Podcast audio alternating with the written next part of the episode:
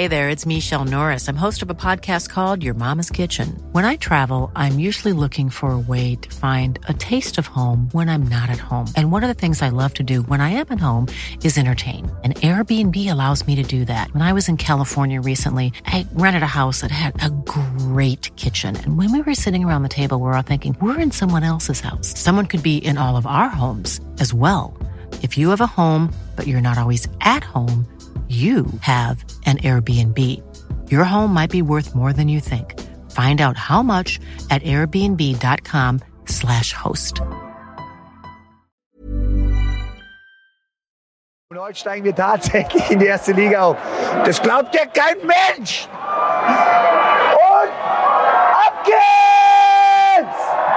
Välkommen till ett nytt avsnitt av Stamplats. Podden som ger er det senaste och det matigaste och det godaste från den tyska fotbollen. Och den här gången är vi återförenade, Filip, eller hur? Ja, vi är ju det. Förra veckan blev ju lite konstig där när det körde ihop sig för oss båda på olika sätt. Så att det fick bli en specialare. Men nu, nu är vi tillbaka båda två. Underbart. Jag ber redan nu om ursäkt för min röst om jag låter lite uh, små oskön. Men ja, det är ju början på hösten och då kommer de här lite krassligare tiderna. Så jag, jag åkte på en sån liten minismäll så att ni får stå ut med det helt enkelt. Jag tycker det nästan låter lite sexigt. ja, det är väldigt snällt av dig. Eh, tror jag jag ska ta det som. Men eh, Men eh, istället för att eh, prata om röster tänkte vi prata om den förra omgången i den tyska fotbollen. Och den europeiska lottningen som var förra veckan. Vi kan också redan nu berätta att vi senare i veckan kommer släppa ett andra avsnitt där vi kommer prata om eh, våra toppövergångar som skedde i det fina fönstret som var nu i somras som stängde förra veckan och även prata om det tyska landslaget som ska spela nu till helgen och nästa vecka. Så det, det, är, det är mycket fotboll, mycket matigt, men vi tänkte vi delar upp det på det här sättet så att man på något vis får någon form av struktur. Låter det bra Filip? Jag tycker det låter väldigt bra. Det känns som att vi måste snäcka ner fönstret och ska vi klämma in det idag också så blir det lite för mycket. Så det är bättre att vi eh, dunkar ut två avsnitt istället. Helt rätt. Men med det sagt då hoppar vi på det här på en gång. Mm. Vi börjar kronologiskt. Så var det ju faktiskt lottning i torsdags och fredags. Eh, och i torsdags var det Champions League-lottningen och det blev en, eh, en ordentlig fin lottning för tysk del. Men samtidigt skulle jag väl ändå vilja påstå att det är en lottning som för samtliga klubbar kan vara överkomlig. Eller vad är din första tanke där? Ja, eh, det beror på vad man har för förväntningar då skulle jag säga. Alltså vi har ju fyra deltagande klubbar kan man säga då från Tyskland. Och det är Bayern München, Dortmund, Leipzig och sen då sensationslaget Union Berlin som ska delta i Champions League för första gången mm. i klubbens historia. Så att Bayern har vi alltid höga förväntningar på. Dortmund medelhöga. Samma sak där med Leipzig skulle jag säga. De känns likvärdiga. Och sen Union Berlin eh, vet jag inte riktigt. Inför lottningen så kände jag väl mest att hoppas de får några kul lag att möta så att de kan, eh, kan eh, ja, men vad ska man säga, få rutin och erfarenhet av detta. Men jag tycker att gruppen de hamnade i, den, det var ju, den var ju svårare än vad man hade hoppats på för deras del. Ja, verkligen. Men ska vi även här börja kronologiskt gå uppifrån? För där har vi grupp A. Har vi mm. Bayern München mot Manchester United, Köpenhamn och Galatasaray. Eh, det känns ju lite som en grupp som, som du gillar lite extra. Du känns ju lite dansk, eh, älskande ehm, med Köpenhamn där i spetsen. Ja, men det är helt riktigt. Eh, nej, men jag blev väldigt glad när jag såg den här gruppen. Jag tror att alla som har koll på den tyska fotbollen vet ju också hur, hur stora matcherna mellan Bayern München och Manchester United är sedan den där finalen 1999 som dock Manchester United vann. Men eh, sen tycker jag även att det är trevligt där med FC Köpenhamn och Galatasaray. Det är nog två klassiska klubbar, eller jag vet inte om jag ska säga att FCK är klassiska egentligen för att de bildades ju först 1992, samma år som du och jag är födda. Men eh, de har ändå varit med tidigare. Det är en klubb som, som ändå hör hemma någonstans i Champions League kan jag tycka. Så jag blev väldigt glad av den här gruppen och eh, absolut väldigt överkomlig för Bayern München. Eller? Ja, definitivt. Man kan ju eh, kanske se United och eh, Köpenhamn och Galatasaray. Alltså, just de två sistnämnda är ju lite småluriga tycker jag. De ska man verkligen inte underskatta. Galatasaray har ju ett par riktigt eh, vassa spelare som Icardi och Mertens i sitt lag. Men eh, Bayern ska ju självfallet gå ur den här gruppen som segare utan tvekan. Sen får vi se där. Vi kommer ju komma till det när vi pratar om övergångar. Bayern München har ju faktiskt nu när vi ändå är i podden och pratar siffror, det älskar jag ju. Den tunnaste truppen i hela Bundesliga just nu. 23 manna trupp har de. Mm, eh, jag sa det. Det är väldigt tunt i Bayern, men det kommer vi med till eh, i nästa avsnittet. Men ska vi säga så här, vi rankar den här, eller vi, vi, vi ger vår take på det hela, så säger jag helt enkelt som så här. Bayern, United, Galla och Köpenhamn. Vad säger du? Alltså att de kommer i den ordningen? Yes. Ja, alltså jag tror också definitivt Bayern 1, United 2. Uh, sen skulle jag väl ändå säga Köpenhamn 3 då. Bara för att jag mm. vill se dem i Europa League. Men, uh, men nej, alltså jag tror, jag tror den enda klubben som skulle känner mig inte särskilt skrämda av dem efter deras säsongstart och hur saker och ting ser ut i den klubben. Så att jag skulle säga att det är 95 procent sannolikhet att Bayern München eh, vinner den här gruppen. Oh ja. Om vi går till grupp C så har vi det här fina tyska laget vid namn Union Berlin. Eh, som gör sin Champions League-debut. Det är fortfarande rätt så enastående att de är där de är. För fem år sedan var de i Zweite Bundesliga och eh, kunde inte ens drömma om att spela ute i Europa. Och nu gör de det och de ställs ju. Det är så mäktigt ändå. Alltså, eh, det är Königsklasse, de möter Real Madrid direkt. De möter Napoli, Serie A-mästarna. Och så möter de Braga. Och självfallet är ju Real stora favoriter och därefter Napoli. Men jag skulle väl ändå vilja slänga in att Union har en ypperlig möjlighet att avancera och ta sig till Europa League härifrån. Mm. Ja, men det håller jag med om. Eh, jag ser definitivt Real Madrid som etta, Napoli förmodad tvåa. Dock ska man komma ihåg att det har hänt ganska mycket i den klubben här under sommaren. Mm. Så att man vet ju aldrig riktigt var man har dem. Sen är det då Union och Braga som förväntas göra upp om tredjeplatsen. Och där skulle jag också säga att med den trupp som Union Berlin har nu så tycker jag ju definitivt att man får betrakta dem som potentiella helt enkelt för att göra upp med Braga om tredjeplatsen. Så att jag mm. hoppas att det blir fortsatt Europaspel även efter årsskiftet för deras del. Mm. Jag skulle vilja säga att komma med tesen att Union kommer eh, självfallet göra det väldigt bra på hemmaplan.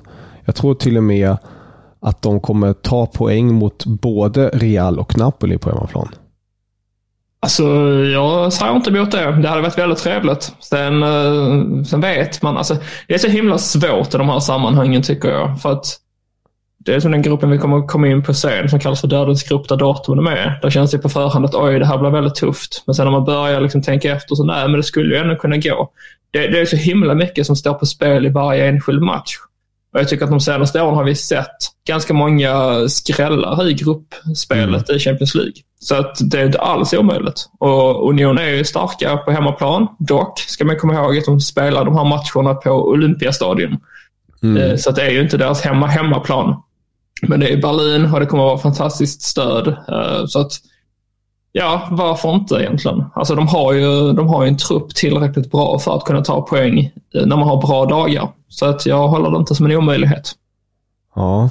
jag tror nästan, nu ska jag inte säga så, det hade varit mäktigt att se dem på Alta Festeraj, men jag tror nästan att det kan vara till en fördel att de är på Olympiastadion för att då kan de få ännu fler hemmasupportrar att uh, ha deras rygg helt enkelt.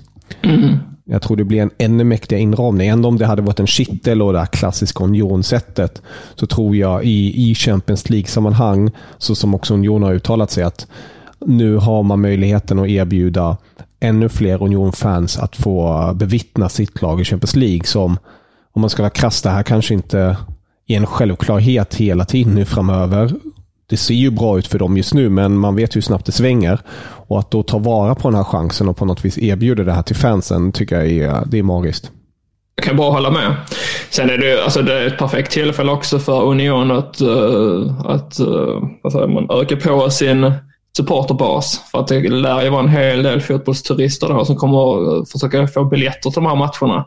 Och jag tror att många kommer hänföras av stämningen som Unions fans kommer att skapa. Och det är det nog många som kommer börja följa klubben lite extra efter det. Så jag tror det är en väldigt bra marknads... Uh, jag, kan, jag hittar inte orden där. Vad ska man säga? Marknadsföring för Union Berlin att spela ja. på Olympiastadion också. Så jag tror bara att man gynnas av det egentligen.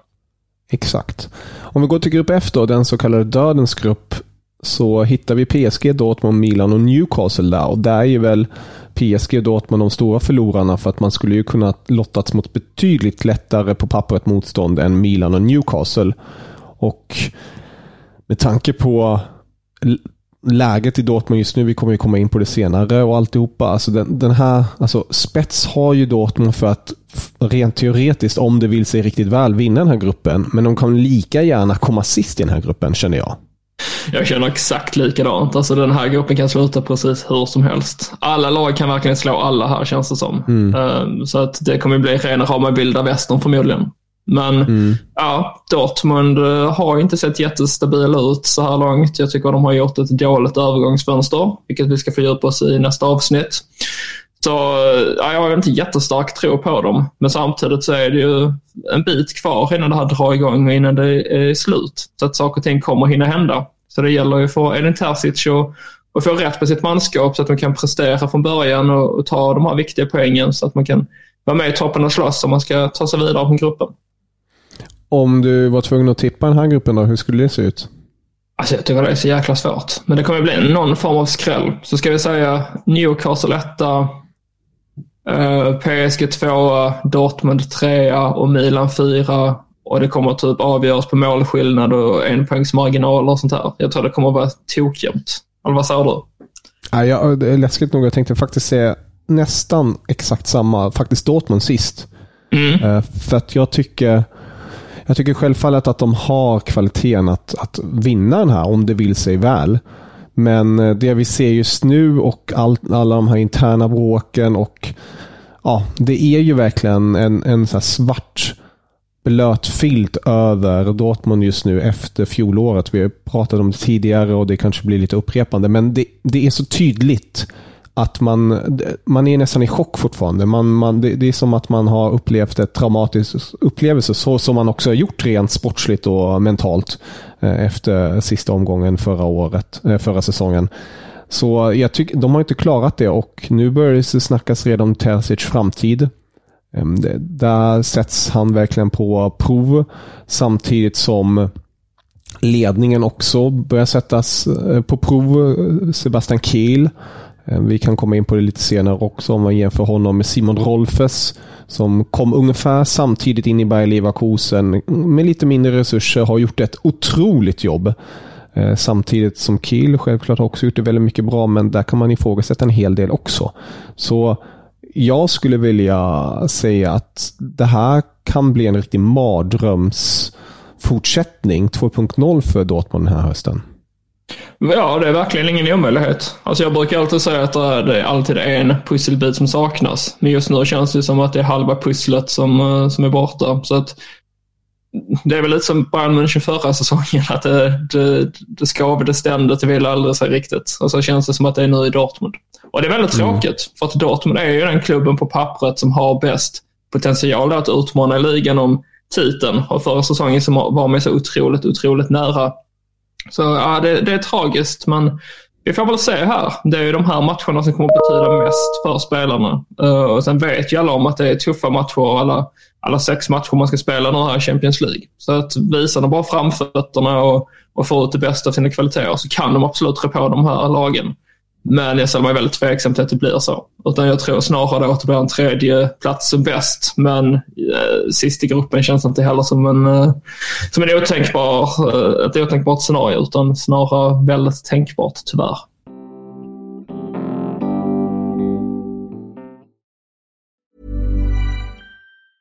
When you're ready to pop the question, the last thing you want to do is second guess the ring.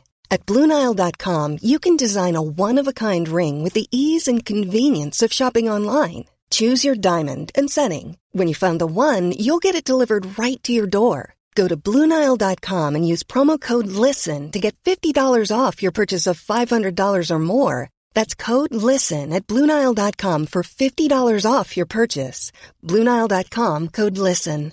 I'm Sandra, and I'm just the professional your small business was looking for. But you didn't hire me because you didn't use LinkedIn jobs. LinkedIn has professionals you can't find anywhere else, including those who aren't actively looking for a new job but might be open to the perfect role, like me. In a given month, over 70% of LinkedIn users don't visit other leading job sites. So if you're not looking on LinkedIn, you'll miss out on great candidates like Sandra. Start hiring professionals like a professional. Post your free job on linkedin.com/people today. Ja, men eh, med det sagt lämnar vi den här gruppen och går till den sista tyska gruppen och det är grupp G. Och där känns det nästan, jag vet inte hur många år i rad nu de har mötts, men Manchester City ställs återigen mot Rasenball på ett Leipzig, Röda Stjärnan och sedan Young Boys. På pappret självfallet Leipzig klara favorit att ta den andra platsen. Ja, City kommer ju ta hem gruppen som ingenting och sen eh, ska Leipzig komma tvåa. Även om man ställer upp med reservbetonade lag så ska man vinna mot Röda Stjärnan och Young Boys tycker jag i alla fall. Så att det är inget snack om saken. Det är, det är Bayern München och Leipzig som är de- de ska bara gå vidare helt enkelt. Sen är det en bonus om uh, Dortmund och Union gör det. Men uh, två av fyra lag ska vidare, så är det. Yes, förhoppningsvis går samtliga i alla fall vidare i Europaspelet om vi säger så. Ja, det, det får vi hoppas på. Om vi går vidare till Europa League då, så hittar vi grupp A, hittar vi faktiskt Freiburg. Mm. Tillsammans med West Ham och Olympiakos och TSC Backa Topola.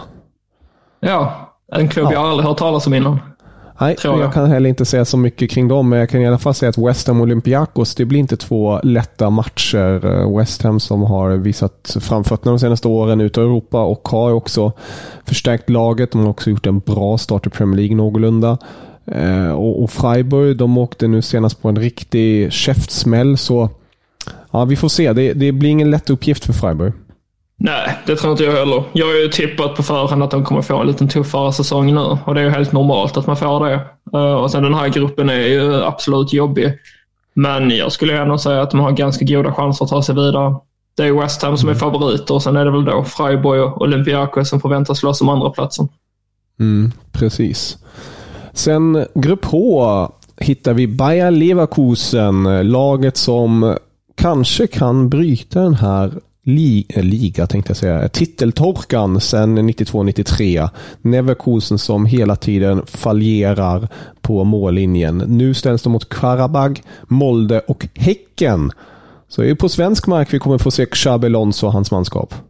Precis. Ja, det var väl en rolig lottning och eh, på pappret en drömlottning verkligen. Alltså Karabag, Häcken och Molde i all ära, men det, det är klasser ifrån Leverkusen, eller ska vara i alla fall. Så att eh, man känner att man borde egentligen ta full pott här. Ja, alltså med, med tanke på vad man har för trupp och, och läget hur vilken form man är i så bör de verkligen vinna den här gruppen utan några som helst problem. Och det tror jag faktiskt man gör också. Sen kan vi hoppas att Häcken tar sig vidare också. Men eh, det får vi se. Exakt. Och slutligen eh, om vi går till Conference. Vilka hittar vi där? Jo, vi hittar Eintracht Frankfurt i grupp G som möter PAOK, HJK och Aberdeen. Aberdeen som, eh, som något svenskt lag ställdes mot senast. Ja, jo, det var väl Häcken. Precis. Det var Häcken, ja.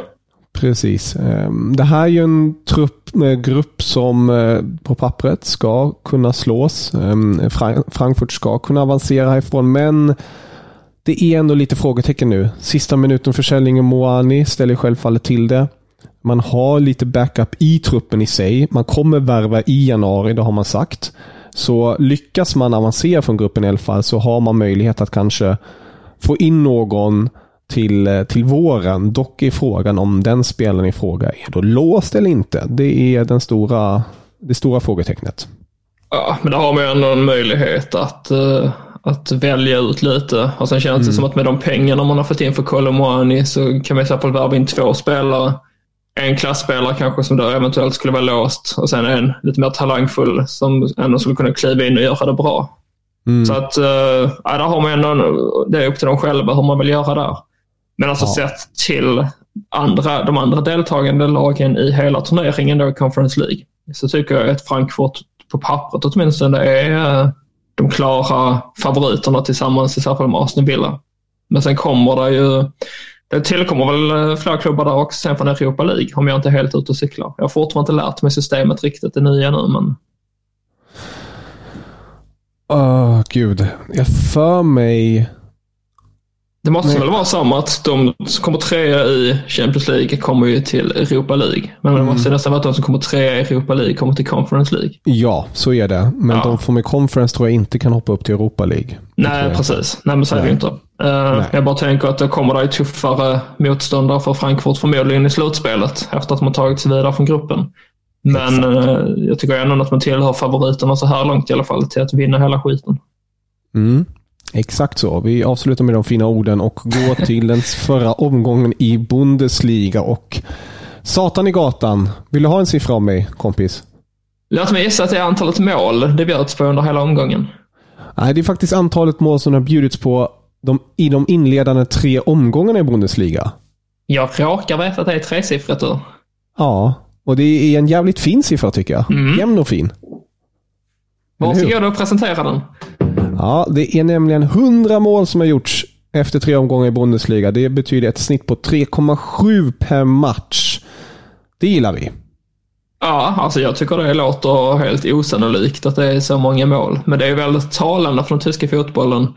Och jag antar att du då kanske inte har siffror på hur det har sett ut i de andra ligorna. Men jag antar att de inte är i närheten än när de har kommit upp i det målsnittet redan efter tre omgångar.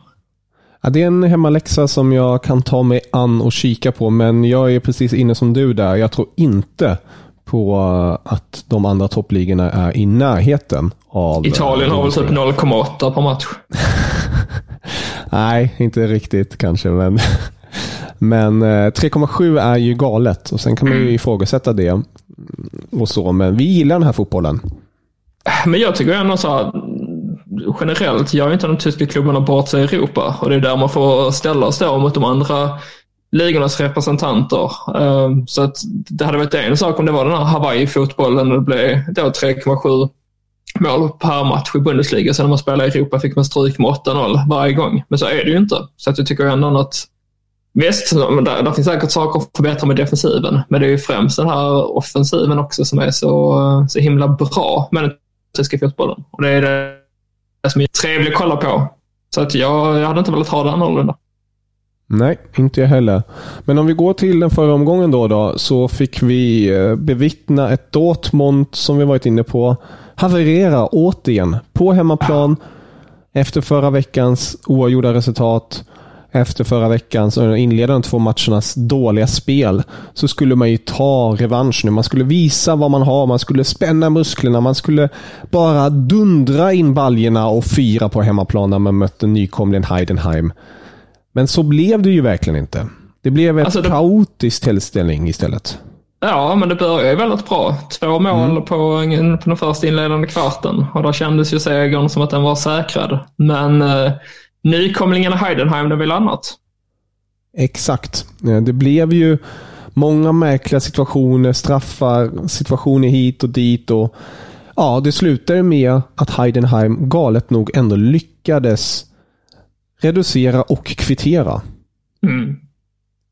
Va, hur, hur tänker du efter? Alltså det, det, det får ju inte ske egentligen för ett lag som Dortmund på hemmaplan i det här pressade läget att det blir 2-2. Men hur många gånger tänkte man inte så förra säsongen också? Inte minst i den sista matchen mot Mainz. Det får inte bli någonting annat än en seger nu för Dortmund. Och ändå så skiter det sig. Så jag kan väl bara säga att det, Dortmund fortsätter vara Dortmund. Man fortsätter att sabotera för sig själva. Och sen får man eh, hitta på hur många ursäkter man vill och, och peka ut hur många syndabockar man vill. Men i slutändan så är det bara de själva som, eh, som de kan skylla på. För att ja, hur många chanser man får och hur många spelare de än plockar in och hej och hå så, så bildas aldrig riktigt. Och det, det går ju inte då att skylla på andra omständigheter. Nej, alltså det, det, är, det är så extremt anmärkningsvärt hur de eh, uppträder ute på planen. Hur Dortmund försöker på något vis. Ja, det var eh, nästan så här huvudlöst spel i många sekvenser. Och man förstår ju frustrationen hos Dortmund-fansen att man ser sitt lag. Alltså, bara för att återigen, vi har pratat om det tidigare, men Heidenheim, alltså den här staden, hela staden kan till och med få plats hemma hos Dortmund utan att ens fylla upp arenan. Alltså mm. det, det, är så litet i Heidenheim. Och att de ens är i Bundesliga, bara det är ju en stor bragd i sig.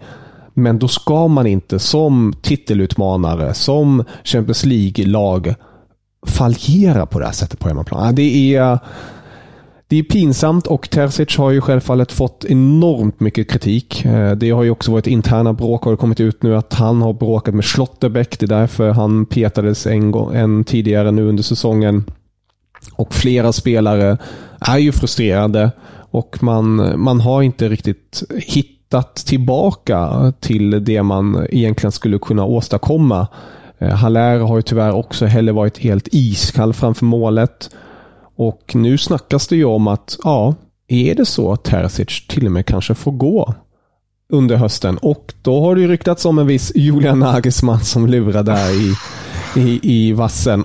Och det, det ska sägas, Nagelsmann har varit på Dortmunds radar väldigt länge. De har försökt värva honom väldigt många gånger innan han var Bayern München-tränare. Så det skulle heller inte vara helt otänkbart att han skulle ta över ett lag som Dortmund. Nej, och i så fall skulle han egentligen gjort det innan den här säsongen till sin början. De har bara hunnit spela tre matcher, men alltså facitet är ju 1-0 mot Köln på hemmaplan i premiären. Kryss mot, mot Bochum då på bortaplan som förväntas slåss i botten av tabellen. Och sen det ett kryss på hemmaplan mot Heidenheim. Så att om det är någon gång då om man ska byta tränare mitt under säsongen så är det väl i så fall nu egentligen när det är landslagsuppehåll mm. och han ändå har chansen att sätta sin prägel på laget inför ett ganska tufft spelschema som väntar. För man har ju nu Freiburg, Wolfsburg, Hoffenheim, Union Berlin. Det är tur och mm. ordning här när eh, Bundesliga är tillbaka. Och som det ser ut just nu i Dortmund så känns det nästan som att man tar noll poäng i de matcherna. Men eh, jag tror inte Dortmund redan nu kommer agera. Men jag kan ju tänka mig att eh, det finns tankar, om inte redan kontakten har tagits, med att i så fall plocka in Nagelsmann. Och där, precis som du nämnde, de, alla de här matcherna. Freiburg borta, Wolfsburg hemma, Hoffenheim borta och Union hemma. Och därefter ett landslagsuppehåll. Har man inte levererat, har man inte lyckats i det landslagsuppehållet i oktober, då, då kan det ske saker. Ja, det är kanske de fyra matcherna han får på sig nu bevisar sig. Um, sen känns det som att det måste ju ändå hända saker i vinter på övergångsmarknaden. Alltså jag tänkte ju nu när man då sålde Bellingham för över 100 miljoner euro att nu kommer man vara smart att investera i, mm. i bredda truppen här och, och täppa igen de luckor som vi såg förra säsongen där det inte fungerade. Men det tycker jag inte man har gjort det heller. Så att, jag vet inte, det, det känns som det är väldigt många saker som, som pekar på att det här kommer bli en jobbig säsong för Dortmunds del. Mm. Och det är aldrig optimalt att byta tränare så i början av säsongen för att nu har man redan förlorat fyra poäng här som man egentligen på pappret borde ha tagit också mot Bochum och Heidenheim. Och det vet vi att i slutändan kan det vara avgörande. Det räcker med en poäng egentligen i slutändan för att det ska vara avgörande för om det blir en titel eller inte. Och jag skulle säga att det redan nu är kört för Dortmund. Mm.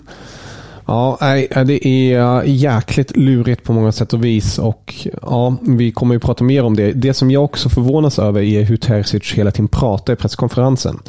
Han är ju ett stort Dortmund-fan i grunden. Eh, det vet vi alla om. Men han pratar fortfarande som ett fan och inte som en tränare som på något vis ska ta ansvar och på något vis visa vägen. Det är mycket det här lite lågmälda. Ja, det är tufft. Det är...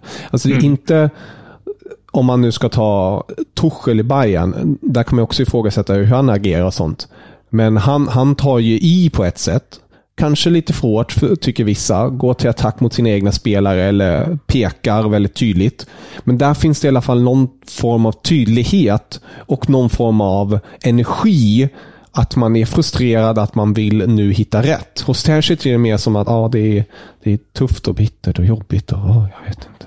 Så det är, nej, jag vet inte. Det, där, där, måste någonting ske och han får verkligen göra sin eh, hemmaläxa nu under landslagsuppehållet för att på något vänster hitta tillbaka.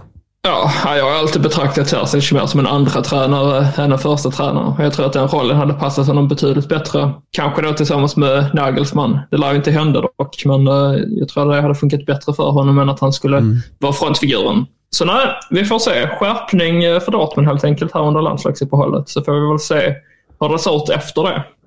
Ja, tar vi lite en snabb överskådlig blick innan vi djupdyker igen här. Vi kan notera att Augsburg spelade 2-2 mot Bochum. Bo Bremen lyckades nu när Füllkrok är borta göra mål och vinna mot Bosse Svenssons Mainz med 4-0. var rätt så häpnadsväckande. Hoffenheim vann den här extremt svåra matchen på förhand att tippa mot Wolfsburg med 3-1.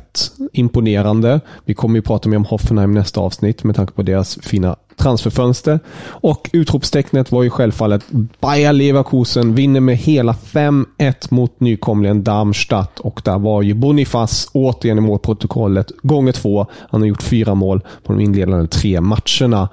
Och avslutningsvis fick vi ju se Bayern München vinna mot Gladbach på lördagskvällen. Men eh, det startade inte bra.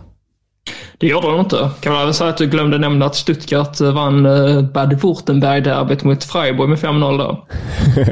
Underbart. Jag tänkte komma till en senare, men helt Jaha, rätt. Okay, helt rätt. Nej, men, men det var med kronologisk ordning jag gick där, så jag tycker du gjorde rätt i att ta upp det. För det var ju Sebastian Hoeneß Stuttgart som åkte på en riktig smäll förra veckan. 5-1 förlust om jag inte misstar mig. Och nu svarade man ordentligt och vinner med 5-0 mot Freiburg ändå. Och har inte förlorat på hemmaplan i ligan sedan hur ni stod över i april. Nej, Stuttgart har sett starkare ut än dem får man ju säga. Sen eh, tappade de nu tre av sina bästa defensiva spelare under slutskedet av fönstret i Endo, Mavropanos och eh, Sosa. Så, utan att man egentligen plockar in någon självklar ersättare. Så att jag är lite mm. överraskad att man har gått så här starkt. Men det, det är fåligt att se för att Stuttgart är verkligen en klubb som ska vara i åtminstone mitten av tabellen och helst utmana om Europaplatserna och inte vara där i botten och behöva kvala sig kvar som man gjorde senast. Så det är en pigg start på säsongen, men det är också lite illavarslande det här med att vinna en match med 5-0, nästa match förlorar man med 5-1 och sen vinner man nästa igen med 5-0. Men äh, det, är ett, det är ett underhållande lag, så kan man ju säga i alla fall. Det får man lov att säga. Om vi går tillbaka då till Gladbach som tog mm. ledningen, eh, som i sin vanliga ordning är på något vis eh, det laget som på galet sätt alltid vinner mot Bayern eller åtminstone tar poäng mot Bayern. Det såg ju ut som att det kanske skulle bli den här gången också. Leroy Sané kom med kvitteringen i 58 minuten och tog till den 87 minuten innan Matt Mattis Tell var helt ren i straffområdet och kunde nicka in 2-1 för Bayern München. Eh, det var kanske inte den bästa insatsen av Bayern i sig, men det fanns ett par positiva element där. Ehm, vi fick återigen se det här bytet Konrad Laimer mot Masurai. Och där tycker jag, alltså Masurai var ju bedrövlig. Eh, han var riktigt dålig, tycker jag, mot Gladbach. Eh, Konrad kom in och gav balans och gav även mer starka alternativ framåt. Eh, någonting som en Masoi egentligen borde ha gjort. Så äh, det känns nästan som att Laimer kommer vara den givna högerbacken för, för Bayern München. Ja, det, nu blev det ju inte att man plockade in Kyle Walker som det länge pratades om. Annars hade han väl varit given på högerbacksplatsen. Men så som det ser ut just nu så är väl Laimer då ett bättre alternativ. Sen hade jag ju helst velat se honom på mittfältet egentligen, men i avsaknad av andra alternativ så får han väl vikariera där så länge i alla fall. Mm. Så ja, Bayern München tar den där viktiga poängen och på söndagen fick vi se ett Eintracht lyckligtvis ta med sig en poäng mot FC Köln. Precis som Bayern tog, gjorde de målen i 87 minuten av nyförvärvet Nils Nkunku. Inte den Nkunku, eh, en annan Nkunku. Och eh, det var ju jävligt tacksamt. Ja, och välförtjänt skulle jag säga. Mm. Jag såg mestadelen av den matchen och jag tyckte att Frankfurt inledde väldigt, väldigt piggt och man skapade chanser. Men man märkte verkligen av det att Kolomohan inte var kvar längre för att mm. det var ingen som kunde sätta dit dem. Jag eh, kan även säga att Hugo Larsson då spelade sin första match från start och, och, gjorde det väldigt bra. Men mm. äh, istället var det Köln då som tog ledningen strax innan halvtid via en straffspark. Men eh, fullt rättvist att det blir en poäng i alla fall för Frankfurt till slut. Eh, känns det som att de kommer ha det lite jobbigt nu här med med att göra mål kanske då, när man inte har Moani kvar. Men vi får se om någon annan kan kliva fram i hans, uh, i hans, ja vad säger man? Han är borta. I hans ja. frånvaro, tack så mycket. Ja. ja, apropå Hugo Larsson, han spelade ju också mot Sofia i kvalet förra veckan och då sa tränaren Dino Toppmöller så här. Han, Larsson, var flitig, plockade många andra bollar och vi vet att han har kvalitetsfotbollen i sig. Det här är spelare du kan tjäna mycket förtroende i tränarteamet och det gjorde han idag. Alla är glada att vi kunde värva den här spelaren. Och sportchefen Krösche sa även det här. Han gjorde det jättebra. Det är inte lätt att komma in i hans ålder. I början känner man nervositeten men sedan spelar han ett väldigt bra, en väldigt bra match. Så det är ju väldigt roligt att höra och jag har hört från reportrar i Tyskland som följer Eintracht dagligen att eh, även på träningsplanen och eh, runt omkring laget så är Hugo Larsson väldigt omtyckt och populär. Mm.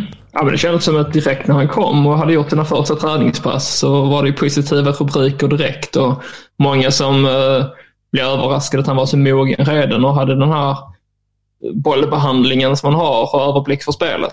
Så att det är väldigt mm. roligt att se. Och nu då första starten redan i den tredje omgången. Så uh, vi får väl se. Det, det, känns ju som att han nu verkligen har bevisat att han är, att han är beredd att slåss på den här nivån. Så att jag tror att vi kommer att få se mycket mer av Hugo den här säsongen. Mm. Och sist men inte minst mötte Union RB Leipzig. Och det blev ju en käftsmäll för Union. Eh, årets första käftsmäll eh, får man minst sagt säga på hemmaplan. 0-0 eh, efter halvtid. Xavi Simmons återigen eh, i eh, målprotokollet. Visar framfötterna och gjort det jäkligt bra. Lånet från PSG. Kevin Folland, jag vet inte vad han gör. Drar på sig en riktigt dumt rött kort. Eh, väldigt tråkigt tycker jag och därefter vill sig helt enkelt in från Jon. Och det andra nyförvärvet, Sesko, med en dubbelmacka i slutskedet av matchen. Eh, tung förlust från Jon. Eh, men kanske också nyttig på ett sätt. Att man, man åker på den här käftsmällen. Det är mycket medvind ofta och det är mycket lovord. Så här får man nog kliva tillbaka, göra läxan och se över vad som gick snett och fel här. Självfallet det där röda kortet, det, det ställer till det rejält. Eh, och ja, Det är inte lätt att möta Rasenbach på ett Leipzig. Alltså det är ju på pappret det näst bästa laget i ligan. Men att förlora på hemmaplan med 3-0 är ju ändå inte acceptabelt för Union med tanke på deras position. Men eh, Union och Leipzig, vi lär ju få prata mer om dem, men Leipzig kan vi definitivt hylla i alla fall. Som har, som har visat ändå lite på spets. De har haft problematik här och där, men deras nyförvärv har ju verkligen klivit fram. Ja, det är väl det jag imponeras mest över i så fall. Att man har förlorat tre av sina bästa spelare eh, under sommarens övergångsfönster då. Sen har man ju plockat in fulldugliga ersättare vad det ser ut som i alla fall. Och än så länge har flera av dem visat framfötterna. Så att, ja, det, är, det är imponerande att se och det, det känns ju lovande inför Europaspelet nu när man har inlett så här pikt. Mm. Om vi avslutar då Bundesliga-snacket och eh, kort blickar mot Zweite Bundesliga. Ooh så eh, måste jag bara ta ett kort nedstamp på matchen där Bill Hussein fick eh, beskåda sitt Hertha. Han har ju gått från AIK till Hertha. Han fick sitta på bänken och fick se på en, en målrik tillställning. Fyra gånger om ledde Hertha. Fyra gånger. Men man förlorade ändå mot Magdeburg med 6-4. Välkommen till Sverige till Bundesliga, sa jag. Aj. Nej, det är, jag tror inte vi behöver säga så mycket mer där. Det, det, är, nej, det är sjukt. Det är ja. sjukt. Det var ingenting man hade förväntat sig ändå. Alltså, Hertha har väl, det tror jag ingen har missat, att man fick en bedrövlig start på säsongen och man tog mm. noll poäng och gjorde noll mål på de tre första matcherna. Och sen den fjärde omgången så helt plötsligt slår man Greuter Fürth där med 5-0. Och då känns det kanske som att ah, men nu har man ändå hittat rätt. Liksom, nu har det lossnat för dem. Nu är det raka vägen framåt. Uh, och sen åker man ner då till, till Magdeborg, tar ledningen i tidigt i matchen och sen ändå så slutar de med 6-4. Men uh, det Hertha kan trösta sig med i alla fall är att de verkar äntligen ha förstått hur man gör mål. Så att ja. uh, det är väl det viktigaste ändå. Sen behöver man nog jobba lite mer på defensiven. Men det har man möjlighet att göra nu under landslagsuppehållet. Ja. Ett annat lag som har haft det tufft inledningsvis, som man trodde mycket mer om, eller speciellt de egentligen, det är ju Schalke. De tog ledningen mot VM Wiesbaden i den andra halvleken, men i 90 kom Max Reinthaler och gjorde 1-1 för Wiesbaden. Och eh, Schalke har bara vunnit en match i min ledande fyra matcherna den här säsongen. Skönt. Jag tror fortfarande att jag tror fortfarande att de kommer ta hem ligan i slutändan. Så att jag som HSV-supporter är bara tacksam nu att de åker på de här poängtappen. För att det gör ju att vi förhoppningsvis i slutändan ändå kan hänga på i, i toppskiktet och, ta, och lösa den där uppflyttningen som vi alla längtar efter. Men jag tror ju att förr eller senare nu så kommer det lossna för Schalke och det kommer det lossna rejält. Men det kan vara så att det krävs ett tränarskifte innan det sker. Ja, ditt HSV kan du ju komma in på för ni leder ligan med 13 poäng, 9 poäng framför Schalke, 4 vinster, 1 kryss och i helgen blev det just den fjärde vinsten när man vann mot Hansa Rostock, toppkandidaten med 2-0. Mm. Ja, det har ju sett väldigt, väldigt bra ut. och jag märker hur bortskämd jag har blivit för nu grämer det mig lite att vi släppte in det där målet i andra omgången mot Karlsruhe som gjorde att det bara blev ett kryss där. Annars hade vi haft en perfekt säsongsinledning nu med fem vinster på lika många matcher. Men jag får vara nöjd med detta. Alltså tabelledning eh, och sen är den tuffaste perioden avklarad nu. Vi hade då Schalke, Hertha, eh, Hansa. Ja, vi hade, men, och Hannover dessförinnan. Vem fan mm. vi hade i mitten? Karlsruhe såklart. Men mm. vi hade ju Schalke, Karlsruhe, Hertha, Hannover och Hansa nu. Och sen nu här efter så har vi då Osnabrück och Elversberg eh, efter landslagsuppehållet. Och det, känns, ja, det känns väldigt bra och jag var inne på det redan inför säsongen att jag tycker att det, det ser bättre ut än någonsin här i Sverige till Bundesliga för, för HSV och än så länge har man ju verkligen bevisat det också. Så att just nu kan jag faktiskt inte säga någonting som skulle göra att eh, det skulle skita sig för oss i längden. Men jag vet att det kommer komma formdippar och annat skit. Så att jag ropar inte hej än, men det ser väldigt, väldigt lovande ut. Så mycket kan jag säga. Mm. Vi lär återkomma till Levande Helvetet mera under säsongen och självfallet kan ni ju läsa mer om den tyska fotbollen på din och Axel Falks fina sajt, eller hur? Det tycker jag definitivt man ska göra. Fotboll.nu. Just nu är det då mycket fokus på övergångsfönstret. Det vi kommer komma in på här i podden också. Så pallar man inte läsa så kan man lyssna på när vi pratar om det i, i nästa avsnitt som vi släpper senare i veckan. Mm. Med det sagt, sköt om er och auf Wiedersehen. Auf Wiedersehen. Ich habe fertig.